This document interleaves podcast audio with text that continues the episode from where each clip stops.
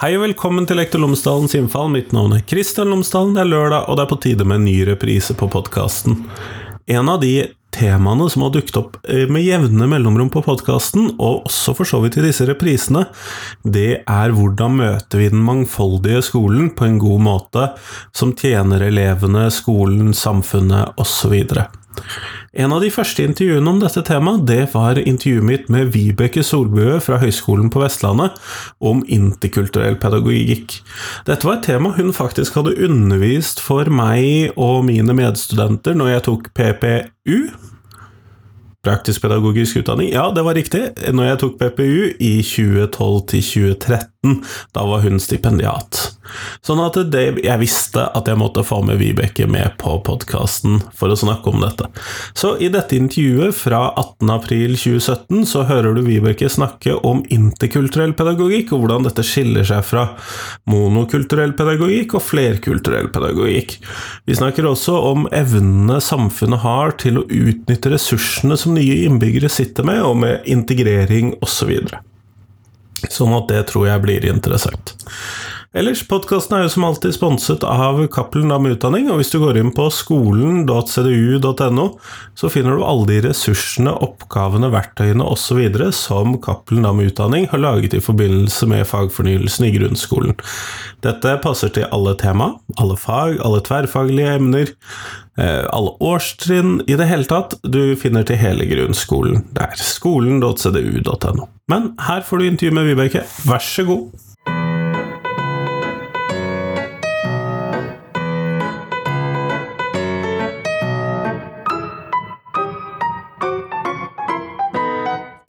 Tusen takk for at jeg har fått lov til å besøke deg her på kontoret ditt, Vibeke. Velkommen skal du være. Eh, nå er jo jeg her på Høgskolen på Vestlandet, er det vel det det heter nå? Høgskolen på Vestlandet. Ja, jeg, jeg driver og skriver HPV hver gang jeg skal skrive forkortelsen her. Men eh, før vi som kommer ordentlig i gang, så kunne du ta og fortelle lytteren min tre ting om deg, sånn at eh, vi kan bli litt mer kjent med deg tre ting om meg, bli litt mer kjent med meg. Ja, jeg kan jo kanskje fortelle at jeg har tre barn. Og den eldste og yngste er det 20 år imellom. En god aldersforskjell. Det er god, ja, min så, familie òg.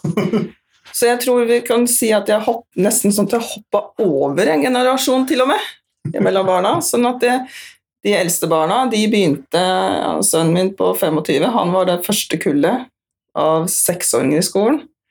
Og det å ha en datter nå som seksåring i skolen det har vært veldig interessant å se forskjell. Så, Forskning ja. på egne barn her. ja, ikke sant. Så jeg har vært, eh, erfart å være den yngste moren på samtlige foreldremøter og den eldste moren på samtlige foreldremøter. Så det, det er én ting om meg. Det andre er vel kanskje det at um, Ja, jeg er Som grunnutdanning så jeg, er jeg førskolelærer. Men jeg jobber jo her på grunnlærerutdanningen på høyskolen. Og så har jeg tatt en doktorgrad i, hvor jeg forsker på videregående. Du har spent det ganske godt i nivået her. Ja. Så jeg er en god potet. Kan brukes overalt som pedagog. Og det siste er vel det at uh, det har vært nevnt her, er det at jeg, jeg, har tatt en doktorgrad i uh, hvor jeg var i videregående og forska på hvilke erfaringer innvandrerelever hadde med sin hverdag på skolen. Det var en, eh, en avhandling som kom ut av at jeg opplevde at det var en veldig negativt fokus, en veldig negativ historie som ble, falt, ble fortalt om minoritetsspråklige ungdommer i skolen mye fokus på utfordringer for skolen, utfordringer for lærere, men jeg ville inn og høre på historiene fra ungdommene. Så da var da jeg kom borti dette som vi skal snakke om seinere, med interkulturell pedagogikk, da, som er min, mitt forskningsfokus nå. Ditt hjertebarn? Mitt hjertebarn, av blant mange. ja. Man har jo gjerne noen av de. Mm. Kjempeflott at du leder oss så greit over til det, fordi det er jo eh, hva er det? For at interkulturell pedagogikks navnet er i hvert fall ikke en sånn som jeg tror ringer så mange bjeller sånn automatisk. Kjernen i uh, slik jeg bruker interkulturell pedagogikk, Det springer ut ifra flerkulturell pedagogikk. En flerkulturell pedagogikk er, eh, jo, ligger jo i navnet, en pedagogikk beregna på eh, flere kulturer sammen. Mens i flerkulturell pedagogikk så eh, har man ofte fokus på at det er ulike minoriteter. Og eh, så har man begynt å utfordre litt denne type, denne retningen. Og interkulturell pedagogikk er en av utfordringene, hvor vi bygger på det flerkulturelle. Eh, men vi går videre med å se at det som er viktig, er ikke at vi har ulike minoriteter, men at vi er i en relasjon med hverandre, og hvordan vi er i relasjon med hverandre. Og det å klare å ta den andres perspektiv er noe av det essensielle i det interkulturelle. Selv om vi er forskjellige, og selv om vi er uenige. Så det, det er liksom hovedkjernen. Sånn litt mindre gruppefokusert, da, kanskje, Ja. i forhold til flerkulturell. Mm. Så vi bygger på, eh, i stor grad på styrken ved diversitet. Styrken ved mangfoldet, for da får vi veldig mange ulike perspektiv. Men noe av faren og noe av det som er utfordringen av mange med innvandrerbakgrunn gir tilbakemelding på, er nettopp den faren, eller at man blir så lett stigmatisert, som at du representerer en egen kultur, eller hvor er du fra, er det veldig mange som reagerer på. Når de blir spurt hvor er du fra, så man skal Sånn egentlig. ja, sånn egentlig. Hvor er det sånn egentlig fra? Eh, mens eh, i det interkulturelle, så hvis man tar det inn i skolen, og slik jeg observerte det i den ene klassen jeg var i på videregående, så er det det at elevene selv får lov til å definere seg i møte med andre. Så de har en type pedagogikk hvor du må bli øvd på å lytte til andre, men også å vise hvem du sjøl er. Sånn at disse, så, så Avhandlingen min heter 'Dialogen som visker ut kategorier'. Med det mener jeg det at den, den type dialog hvor du legger vekt på å lytte til den andre, da blir det ikke den hvilken kategori du tilhører, om det er at du er fra Somalia, eller at du er jente, eller flinkest i klassen, men heller hvem du er, i sammen med andre og i det relasjonelle som er viktig. Så mer mangfoldsorientert enn sånn hva skal vi kalle det, strikte kultur- eller gruppetenkning, da. Mm. Sånn som jeg hører, leser det. Ja. Eh, Men sånn Hvorfor trenger vi hva skal vi kalle vanlige dødelige ute i samfunnet? Mange steder i Norge så er det jo relativt få med en annen kulturell bakgrunn eller andre grupper. Det er relativt homogene samfunn mange steder i Norge. Mm. Hvorfor trenger vi andre dette?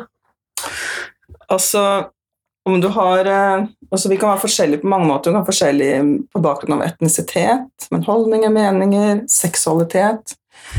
Eh, og det å ha en, en type pedagogikk som bygger på mangfoldet, uansett hvor homogen man er, eh, ytre sett, det, det gir deg en type egenskap til å klare deg i samfunnet. Jeg tror at den egenskapen å klare å takle mangfoldet og endringene som kommer så kjapt, eh, blir viktigere og viktigere til å, å overleve i samfunnet, faktisk.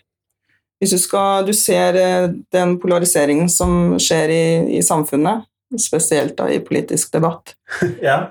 som du er en aktiv del av også. Og jeg prøver å være litt aktiv, men jeg syns det er litt komplisert. Men den, den polariseringen klarer å, å ha en sånn kritisk tilnærming samtidig som man prøver å ta den andre standpunkt. Det tror jeg er en viktig egenskap.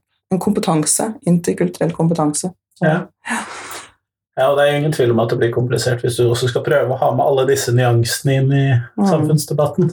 Samfunnsdebatten er jo ikke et sted preget av mye nyanser. Nei, ikke sant? Eh, Så ja, sånn at det er eh, Det å klare å Eller jeg tror for dagens ungdommer, uansett hvor du vokser opp i Norge, både for å klare å forstå eh, det positive i mangfoldet, men også det å klare å henge med i alle endringene som kommer til å skje, jeg tror jeg er ekstra viktig. At vi legger vekt på den type kompetanse, og ikke bare den målbare. Som det ofte som det er mer og mer, som vi har en sånn kritisk stemme til dagens skole. Ja, det er jo ganske mange som er kritiske til alle disse kompetansemålene, at alt skal være mulig å måle. Mm. Men hvis man da skulle se på dette i et sånt skoleperspektiv, er dette sånn fagsentrert ting, eller er dette, hvordan tenker du at dette her eh, Hvor skal vi putte dette inn i skolen, denne interkulturelle læringen eller interkulturell kompetansen? Jeg tror at hele tenkningen må gjennomsyre hele skolen som organisasjon. Eh, Jeg tror det i for stor grad i dag, i de flerkulturelle klassene vi har, er det i for stor grad knytta til eh, enkeltlærere og ildsjeler. Mens andre lærere kanskje kan si at det er så problematisk med alle de forskjellige språkene, og de kan ikke bra nok norsk, og at de har det problemfokuset. Da. Eh, Jeg tror at eh, hele skolen må bygges opp til at vi f.eks. kan spre kompetansen på interkulturell pedagogikk og flerkulturell pedagogikk på hele lærerstaben. F.eks. lærere med norsk som andrespråk. Er det viktig å spre den kompetansen på flere i skolen, slik at den kompetansen kan komme inn i klassene og ikke bli tatt ut av klassene, sånn at man kan bruke Sånn at norskopplæringen er litt preget av dette sånn i utgangspunktet, kanskje? At, nei, at eh, fordi at sånn som det er i dag, så er det relativt få lærere med norsk med annet Mm. språk. Mm. Så når jeg gikk på PPU, så snakket de om 10% eller noe Mm. sånt. Eh, Men hvis det bare er disse lærerne som kan det, og at de ikke da kanskje er inne i de vanlige norskklassene så mm, hvis, de vært, er, hvis flere av de vanlige norsklærerne kanskje hadde den kompetansen, ville man kanskje fått med seg mer av alle elevene inne. bare, ja, men det handler ikke bare om, eh, om norskspråket. I den ene skolen hvor jeg var, eh, så hadde jo teorilærerne i samfunnsfag og engelsk og norsk, de hadde norsk som andrespråk. Da lærer du, du får en kompetanse på hvordan det er å være tospråklig. Eh, og hvilke typer utfordringer er det du møter når du skal lære et nytt morsmål eller et nytt, nytt språk, eh, og hvordan du skal lære fag på det språket. Hvordan skal du presentere fagspråket? Eh, Så det er én ting. Men det handler noe om hele, hele tenkningen på skolen, som må F.eks. hvordan du legger opp undervisningen. Eh, Jeg reiser mye rundt på praksisoppfølging nå. Det er min, min ligg til eh, skolen nå for tiden. Og følger opp studenter. Og noen skoler er veldig flinke på å bruke varierte undervisningsformer. For eksempel er det ganske enkelt å tenke det sånn. Ja. Eh, Men noen skoler er flinke til det, mens det er noen som i veldig stor grad er prega av at vi skal øve, vi skal pugge, og vi skal ha forelesning foran før vi skal regne oppgaver, fordi om to uker skal vi ha kartleggingsprøve. Sånn at eh, Puggeskolen eller testskolen Ja. Det er vel begreper jeg ofte har hørt om ja. fenomenet. Mm. Eh, Men hvis vi skal få dette mer ut i eh, lærerstaben, så er jo dette et langtidsprosjekt, og jeg regner med at lærerutdanningen som sådan kanskje er et viktig sted. Men hvordan skal vi legge opp lærerutdanningen for å få dette til? Eller hvordan skal vi få dette inn i lærerutdanningen, er jo kanskje også et spørsmål. Det er jo et veldig, veldig viktig spørsmål, eh, og det er ikke et lett svar på det. Eh, Det starter jo her, for å si det sånn. Og vi er i hvert fall eh, ganske Vi jobber jo veldig fagorientert, ikke sant? og vi jobber veldig Nå blir det jo det noen endringer på med fusjon her, da. Eh, og vi blir slått sammen med to andre høyskoler, så, så blir disse seksjonstenkningen tror jeg blir noe endra. Men vi gir undervisning i våre fag. Ja. Så har man prøvd å endre noe på dette her. Mens jeg syns det F.eks. min forskning jobber jeg mye med tverrfaglig. Jeg, tenker at vi driver med lærerutdanning um, som skal føre til lærere som skal jobbe i en skole, en helhetlig skole. ikke sant? Ja, De blir jo ikke bare faglærere. Nei, altså, Du skal bli en, en pedagog som skal virke ute i skolen, og da, må, da skal de også jobbe tverrfaglig og som, sammen på team. Så eh, det er kanskje én vei vi kan begynne her på høyskolen. At man jobber kanskje mer De prøver det på barnehagelærerutdanningen med varierende suksess, men der har de gått ifra fag. Nå har de kunnskapsområder. Det er ganske interessant å følge. Sånn strukturelt sett så er det veldig utfordrende, men jeg tror faglig sett for studentene så tror jeg de lærer der å jobbe tverrfaglig på en annen måte. Det husker jeg jo sjøl fra min egen barnehagelærerutdanning. Ja. Man jobber tverrfaglig. Så på lærerutdanningen så er det veldig fagorientert. Kanskje vi kunne ha tenkt mer og det, det legges opp til nå, mer sånn tverrfaglig prosjekt på tvers av fag. Som kunne vært eh, Kanskje det kan være én vei å gå. Mm. Samtidig så blir vel kanskje ikke det lettere av at vi nå får denne femårs eh, lærerutdanningsreformen og ytterligere fokus på antall studiepoeng i hvert fag osv. Det gjør det kanskje ikke. Jo, men det jobbes med det her, med en sånn eh, kunnskapstrapp, som vi kaller det. Også i den kunnskapstrappen så ligger det så og så mange studiepoeng i tverrfaglige temaer som de skal gjøre. Okay, sånn, ja. de, de, de jobber med det, sant. Ja. Ja det må Man jobber med nye gjøre. strukturer. Men det er en tungrodd eh, institusjon, så det interkulturelle det tar lang tid. Men jeg har, no, har tenkt noen ideer, eh, som f.eks. å få tettere samarbeid med universitet og høyskoler i andre deler av verden. Og man kan eh, f.eks. jeg har kontakt med universiteter, lærerutdanninger i Japan, og har veldig lyst til å prøve å få til noen emner hvor vi kan samarbeide om f.eks. at studentene kan samarbeide med hverandre om, om litt mer sånn grunnleggende tematikker som mobbing, inkludering, eh, seksuell legning f.eks. Sånn for å få et veldig annet perspektiv inn på Ja. Få noen utfordringer, noen problemstillinger som de skal utveksle med hverandre. Sånne ting tror jeg kan øve opp sånn den interkulturelle kompetansen. Prøve å forstå f.eks. samfunnet i Japan, som de sier at mobbing ikke eksisterer. Altså det, det, vi har ikke mobbing, og så, og så har de det. ikke sant? Altså skolene, og skolene i Japan eh, er veldig eh, diskriminerende imot enkelte grupper. Altså F.eks. lærere fra eh, Korea. Eh, de får ikke ta lærerutdanning, de får ikke lov til å jobbe som lærere i Japan fordi de er fra Korea. Ja, nei, det kan man jo ikke ha nå. Så det er veldig sånn ulike, ulike forståelser av f.eks. menneskerettigheter og danning og ja. Så det kunne vært et sånt sånn, sånn type prosjekt tror jeg det hadde vært interessant å få inn i lærerutdanning. Jeg syns jo alltid det er litt skummelt å høre om eh, når mennesker eller rektorer eller land mener at det ikke fins mobbing.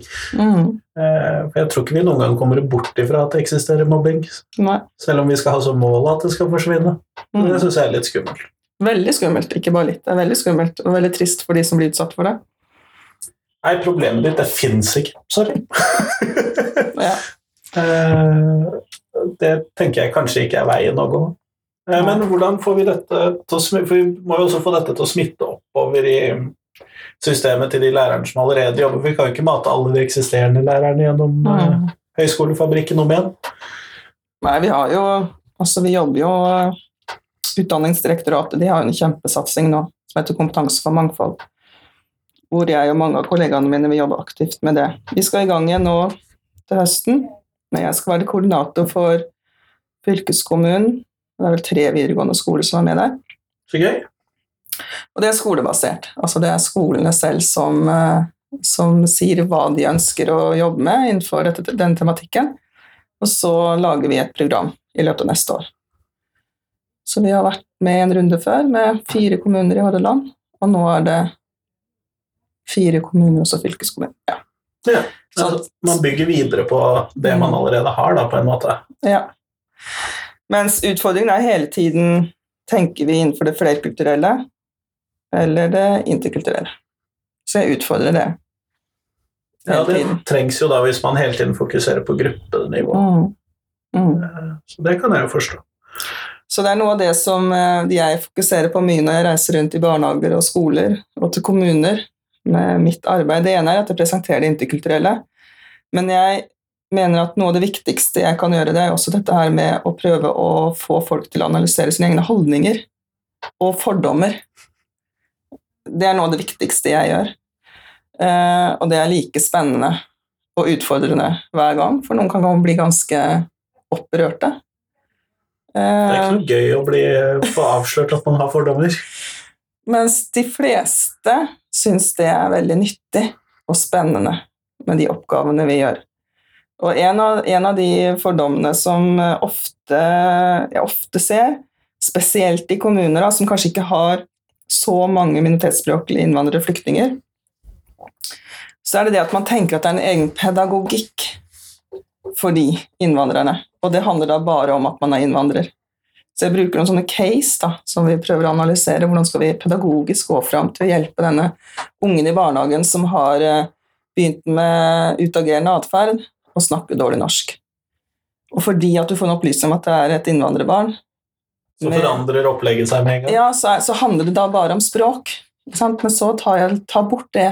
Vi har et barn på fire år som har begynt med utagerende atferd. Hvor Hvorfor det? Da Ta bort opplysningene er innvandrer. Så begynner pedagogen å jobbe på en annen måte med en gang. Da begynner de med kartlegging. Det kan være noe med hjemmeforholdene.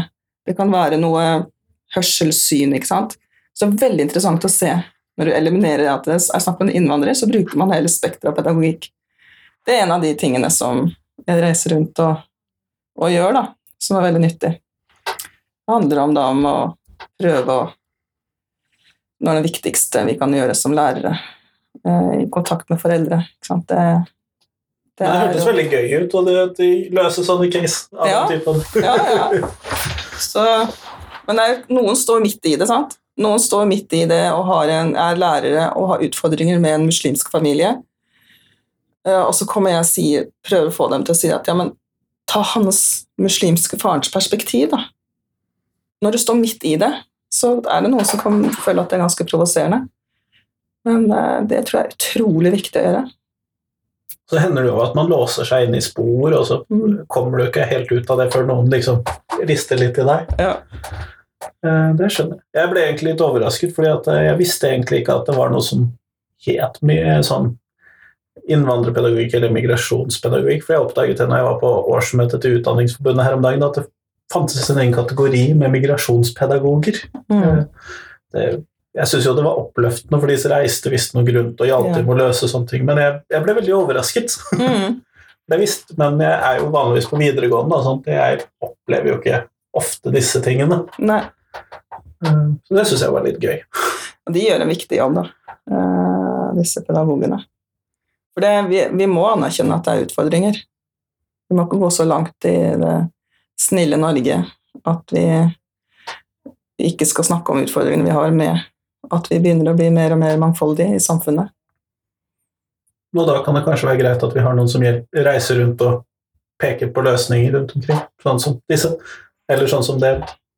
Ja, jeg, det, de må finne løsningene sjøl, Ja. men jeg kan bare hjelpe til med å, å, å vise noen av utfordringene, og så kan vi finne ut hvordan vi kan løse utfordringene. Jeg har litt tro på den type forskningen også som eh, ikke bare kommer med disse teoriene, sånn som jeg gjorde i begynnelsen, som jeg var ferdig med avhandlingen.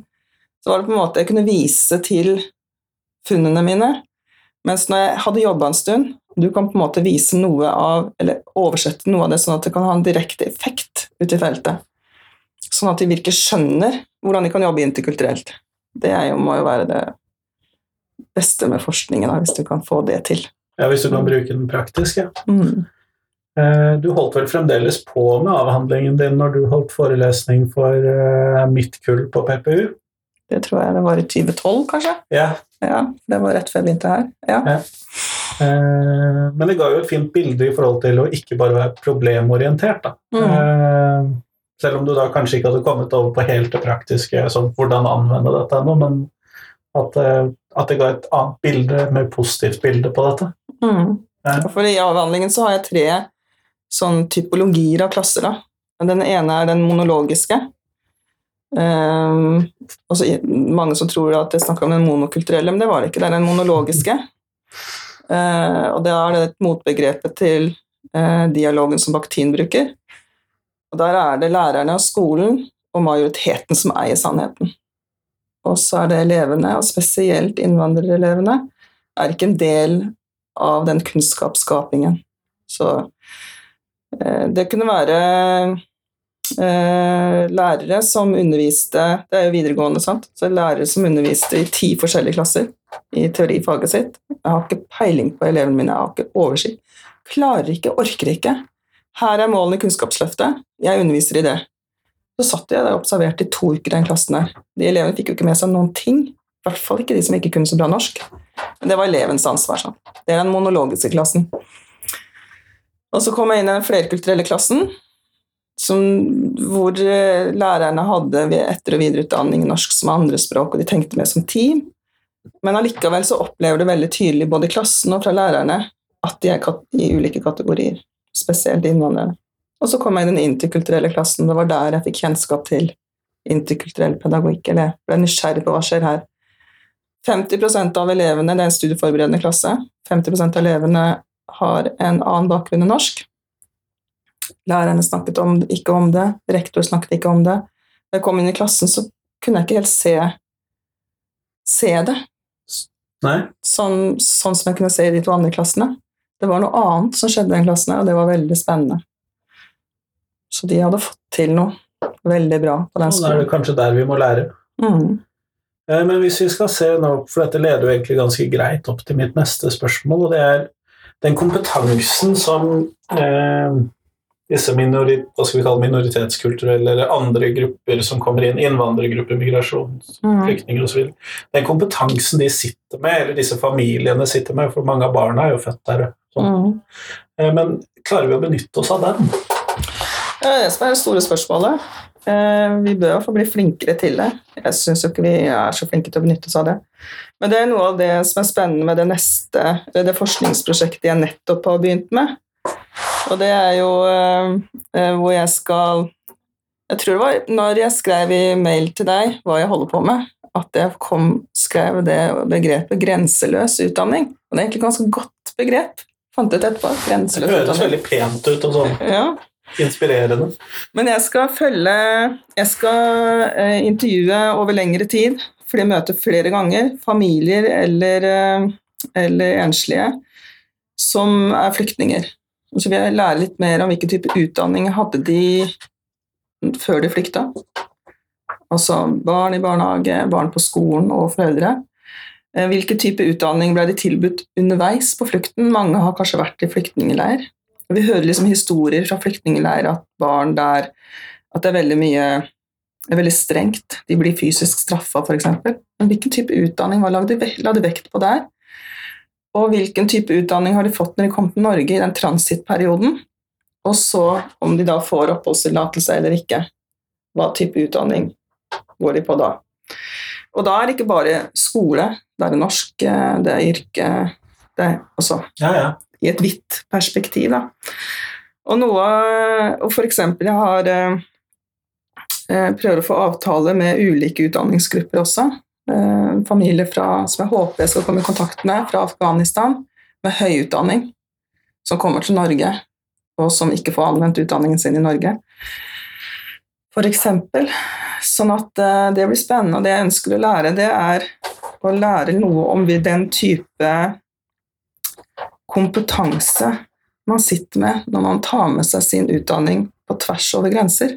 På tvers over land. Jeg, jeg tror jeg begynner å tenke litt sånn at en av grunnene til at vi ikke lykkes så godt med integrering i den norske skolen, det er at vi tenker den norske skolen Norge er et bitte lite land. Og sånn som nå leste jeg nå at det er afghanske, unge afghanske flyktninger eh, som har fått eh, innvilga midlertidig opphold. De er 14-15 år, de skal ut når de er 18 år. Hvilken type utdanning skal vi gi de guttene? Gi Hvor den er motivasjonen til å ja. Så må vi i hvert fall gi dem noe som de kan ta med seg, nytt engelsk, ta med seg noe når de skal reise herfra igjen. Men det jeg tenker på, at vi tenker veldig integrering inn, inn i det norske samfunnet, den norske skolen, og det, det er jo forståelig, men det er jo noe mer. Vi må, vi må også ha en type utdanning som ruster oss til Eller ikke ruster oss, jo det, ja, men som gjør oss kompetente medborgere eh, universelt. Ja. Så det er jeg interessert i å finne ut av. Den kompetansen du har med når du må flykte som elleveåring, forlate alt, kommer i en flyktningleir, så kommer til Norge og tar deg en utdanning. Eh, Det, det tror jeg vi kan lære mye av. Og det tror jeg vi bør ta mer med inn i skolen vår. Mange av informantene jeg snakka med på mitt feltarbeid i, videregående, da møtte jeg jo elever som hadde vært på flukt, og som var enslige mindreårige når de kom til Norge og sånt noe for fire og fem og seks realfag og bodde i Norge i tre år. ikke sant? Sånn imponerende. Ja, det er veldig inspirerende å høre om. Og så de sier bare at å, utdanning det er bare det er en gave i mitt liv, det er min mulighet. Mens i den interkulturelle klassen så snakka jeg med også min kollega, vi snakka med alle elevene. Så er noen av de norske elevene kanskje ikke like motivert for den utdanningen, kan du si. Det er, det er en med, selvfølge. Ja, det er kjedelig, og Uff, hvorfor må vi gjøre lekser, og Ja, du kjenner jo til det som jobber i videregående, så da. Har vært borti det. så det er noe med den derre hva, hva kan vi lære av For å tenke, tenke hva er det vi trenger hvis vi da må flykte plutselig en gang. Mm. Hva skjer om 40 år? Det vet vi ikke. Nei, og hvilken kompetanse har vi bruk for sånn mm. utover Norges grenser? For vi fokuserer jo, naturlig nok kanskje, veldig mye på hvordan det norske systemet er bygget opp, og lærer om mm. det, og ikke mm. så mye om andre land. Mm. Jeg tror det blir viktigere og viktigere. Jeg snakka med en, en kamerat eller en venninne her for noen dager siden, og en eller annen grunn så kom vi inn på den tematikken Hvem ville du ha søkt hjelp hos hvis det var en katastrofe som plutselig skjedde? Så da var det kanskje ikke professoren du søkte tilflukt hos, men det er kanskje en som hadde overlevd på flukt fra Syria og sittet i den gummibåten. Så jeg tror jeg ville ha kontakta Hasan, som jeg vet har klart seg så bra. Som, som, har den overlevelseskunnskapen òg, da. Ja, jeg tror jeg har sagt mer enn én en gang at jeg har vært ti år på universitetet og har lite life skills. Ja. Det er noe med det der. Ja. Ja nei, jeg ser det. Jeg ser det. Interessant tema å komme innom, da. Mm. Um, jeg har jo testet ut den type scenarioer i en del rollespill, og det er jo alltid gøy. Men uh, jeg tror ikke overlevelsessjansen min hadde vært så stor. vi hadde klart oss. Ja, hvis vi måtte, så hadde vi klart oss. Det tror jeg. Ja, Dyd og nødvendighet og ja. nød, lære naken kvinne å spinne osv. Ja. Eh, men hvis vi da ser på de mindre positive sidene av eh, den interkulturelle sammenhengen eller flerkulturelle sammenhengen, så har vi jo ser vi at særlig gutter har et ganske høyt frafall, eh, mm. en utenforskap i skolen. Mm. Hvordan kan vi bruke denne interkulturelle læringen eller kompetansen til å forbedre dette? Det er vel kanskje spørsmålet jeg bør stille, tror jeg. Mm. Altså, det er jo, du kommer hele tiden tilbake til hvilke elever er det vi ønsker i skolen. Sånn at uh, det er jo noe med Noen av de lærerne jeg snakket med på yrkesfag, det var jo på TIP-fag, uh, teknologi og industriproduksjon. Ja så var det noen av disse utrolig dyktige lærerne som eh, eh, hadde lært sin pedagogikk kan du si, ute i verksted, hadde jobbet i verksted, og jeg lærte masse av de, det var veldig spennende å være sammen med de. Eh, noe av de sa som var utfordringen med disse guttene, eh, som ikke kan så godt norsk, og det var ikke bare eh, gutter som er minoritetsspråklige, men også andre gutter, kanskje dyslektikere og, og ADHD. Det var litt sånn opphopning i den klassen jeg var det er vektingen på teorifag. Som de lærerne her sa, det er at han gutten fra Somalia han kan jo bli en, han er kjempegod i sveis. Han er en av de beste vi har i sveising. Han vil jo bare ut og sveise. Han har problemer med å få den toeren i norsk. Og matematikken var så komplisert der. Han har bodd mange år i flyktningleir og ikke fått så den grunnopplæringen var ikke så god. Så kan det være noe der, når det er fokus på teorifag. Og så tror jeg det at øh, øh, noen av de guttene Men det, jeg har jo ikke noe forskningskompetanse på det. Men jeg tror at sko, altså det er den skolske skolen. Den blir for, for uh, vektlagt på, på skolefag, måloppnåelse, prestasjoner. Og det er det som er det viktige. Så vi kommer tilbake til det, egentlig. Vi startet jo egentlig ja. litt der tidligere i dag. Vi kommer tilbake. Da jeg leste en kronikk eh, om eh, en, eh, en, som bare hadde snakket med noen om en gutt i første klasse som heter Sverre. Jo, det var en av barnehagelærere som skrev den kronikken. Og Sverre i barnehagen hadde vært uh, utrolig kunnskapsrik og kunnskapshunger. Han krabba ut i skogen, han følte han, han smakte alt. Han var utrolig kunnskapshungrig, mens i, den, i skolen som seksåring så var han blitt et problem, for han klarte ikke å sitte i ro. Jeg syns jeg sier det meste om frafallet der. Du, eh, det, er elevene som må tilpasse seg skolen, og ikke omvendt. Og det bør være omvendt. Ja, det vil jo skape en veldig stor mangel på mestringsfølelse for en del av disse elevene. Mm. Du, for de blir jo tvunget til 28-30 stykker av dem sitt stille mm. her, på plass, nå. mm. um. Så jeg tror det at, eh, at du må, eh, for å, for å bekjempe det frafallet, eller den den gruppe elever som ikke mestrer skolen. Må du starte tidlig, må begynne i første klasse. Eh, og du må tenke variert, og du må tenke mangfoldig. Du må ha mangfoldige undervisningsmetoder, tilnærmingsmetoder for, for leken i større grad. Ja, Den lovet jo at skulle være en del av førsteklassen. Ja, det var jo det det første året. Det var så mye lek at han, eh, sønnen min han kjeda seg veldig på skolen. Syntes det var når skulle begynne å lære. Mens eh, dattera mi, da, eh, 17 år seinere, kommer i første klasse og får høre at eh, vi kan ikke leke så mye, for vi har så mye vi skal lære. Ja. Ja. Det var noen intensjoner i den første reformen her som tydeligvis ikke bar helt i mål. Ja. Så det var noen av disse eh, førskolelærerne som sa det, det er den veien det kommer til å gå, og det stemte, de fikk rett. Mm. Ja. Men det gjøres mye bra ute i skolen. Ja, Det det, gjør det. tror jeg virkelig på, men det er jo da noen, for noen barn så henger det kanskje litt på utsiden, havner litt på utsiden av dette. Mm. Ja. Ehm, det skal vi se, det forrige intervjuet mitt, men som ennå ikke er publisert på opptakstidspunktet, ja. er gjort med Harriet Bjerrum Nilsen ved ja. Universitetet i Oslo, som også er litt sånn Hun er litt muggen over eh, seksårsreformen, og det var hva som har kommet ut av dette. Mm.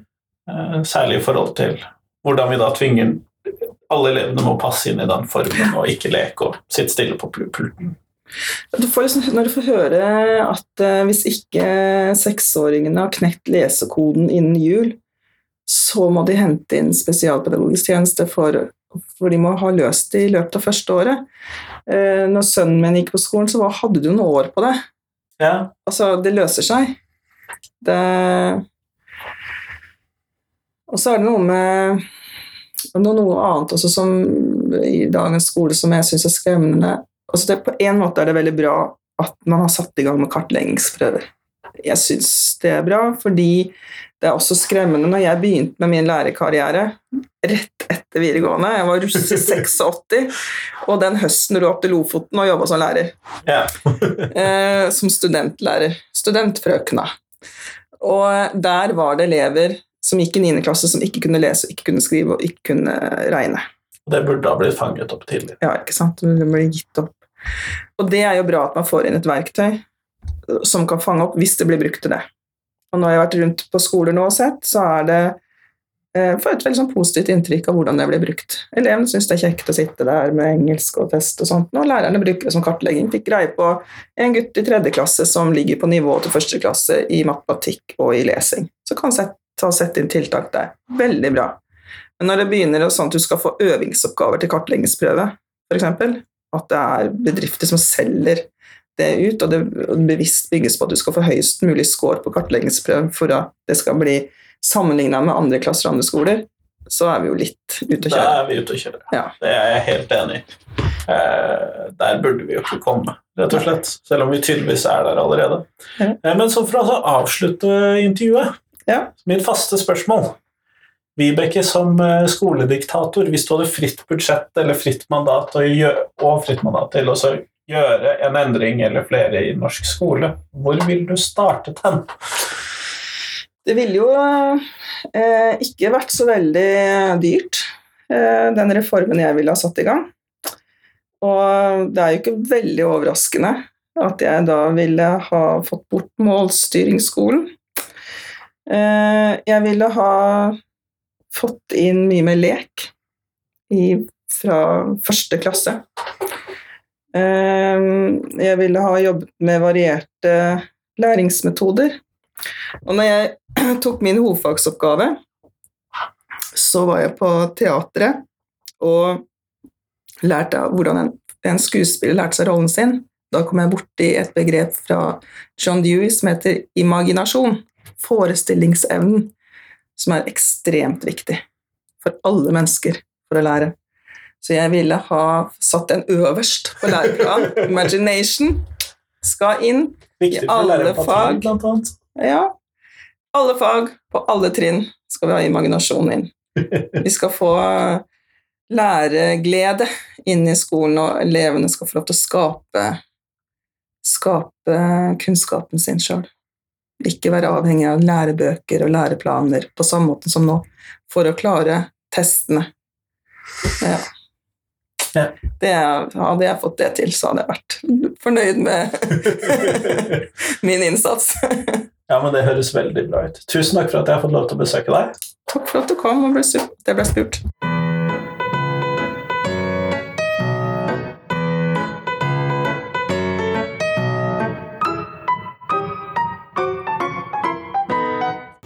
Tusen takk til Vibeke, og tusen takk til deg som hørte på. Nå er det fram til tirsdag, så kommer det et helt nytt intervju på podkasten. Så neste lørdag, da kommer det en ny reprise, hvis ikke jeg da tilfeldigvis har slumpet innom et nytt intervju som bare må publiseres da på lørdag. Som du nå kanskje har skjønt, så er det da nye intervjuer på tirsdager, og så finner jeg fram en klassiker fra arkivet på lørdager, med mindre jeg tilfeldigvis da har en ny intervju som bare må ut. Det hender jo, jeg har jo vært veldig dårlig til å bare ha én gang i uken i løpet av podkastens historie, sånn at det hender. Men i primært sett så dreier det seg da om lørdager for repriser og tirsdager for nye episoder. Men jeg trenger tilbakemeldinger på podkasten. Jeg vil gjerne høre hva tenker du om intervjuene. Er jeg flink? Er jeg ikke flink? Er det noe jeg trenger å gjøre annerledes? Um, er det noe teknisk utstyr jeg burde kjøpe? Jeg er veldig på jakt etter nytt utstyr til enhver tid, men jeg tror at i hvert fall i de nye intervjuene så begynner det å bli ganske bra.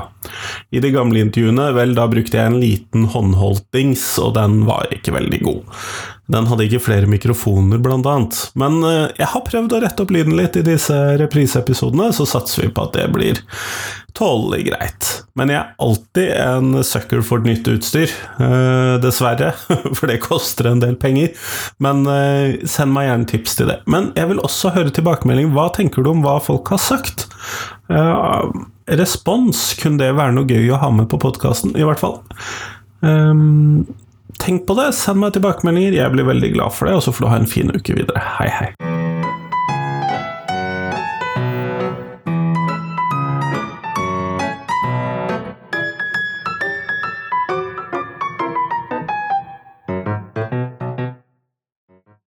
Husk at du kan gå inn på Instagram for å finne bilder av uh, Lektor Lomsdalens innfall. Så kan du se litt hva jeg driver med der.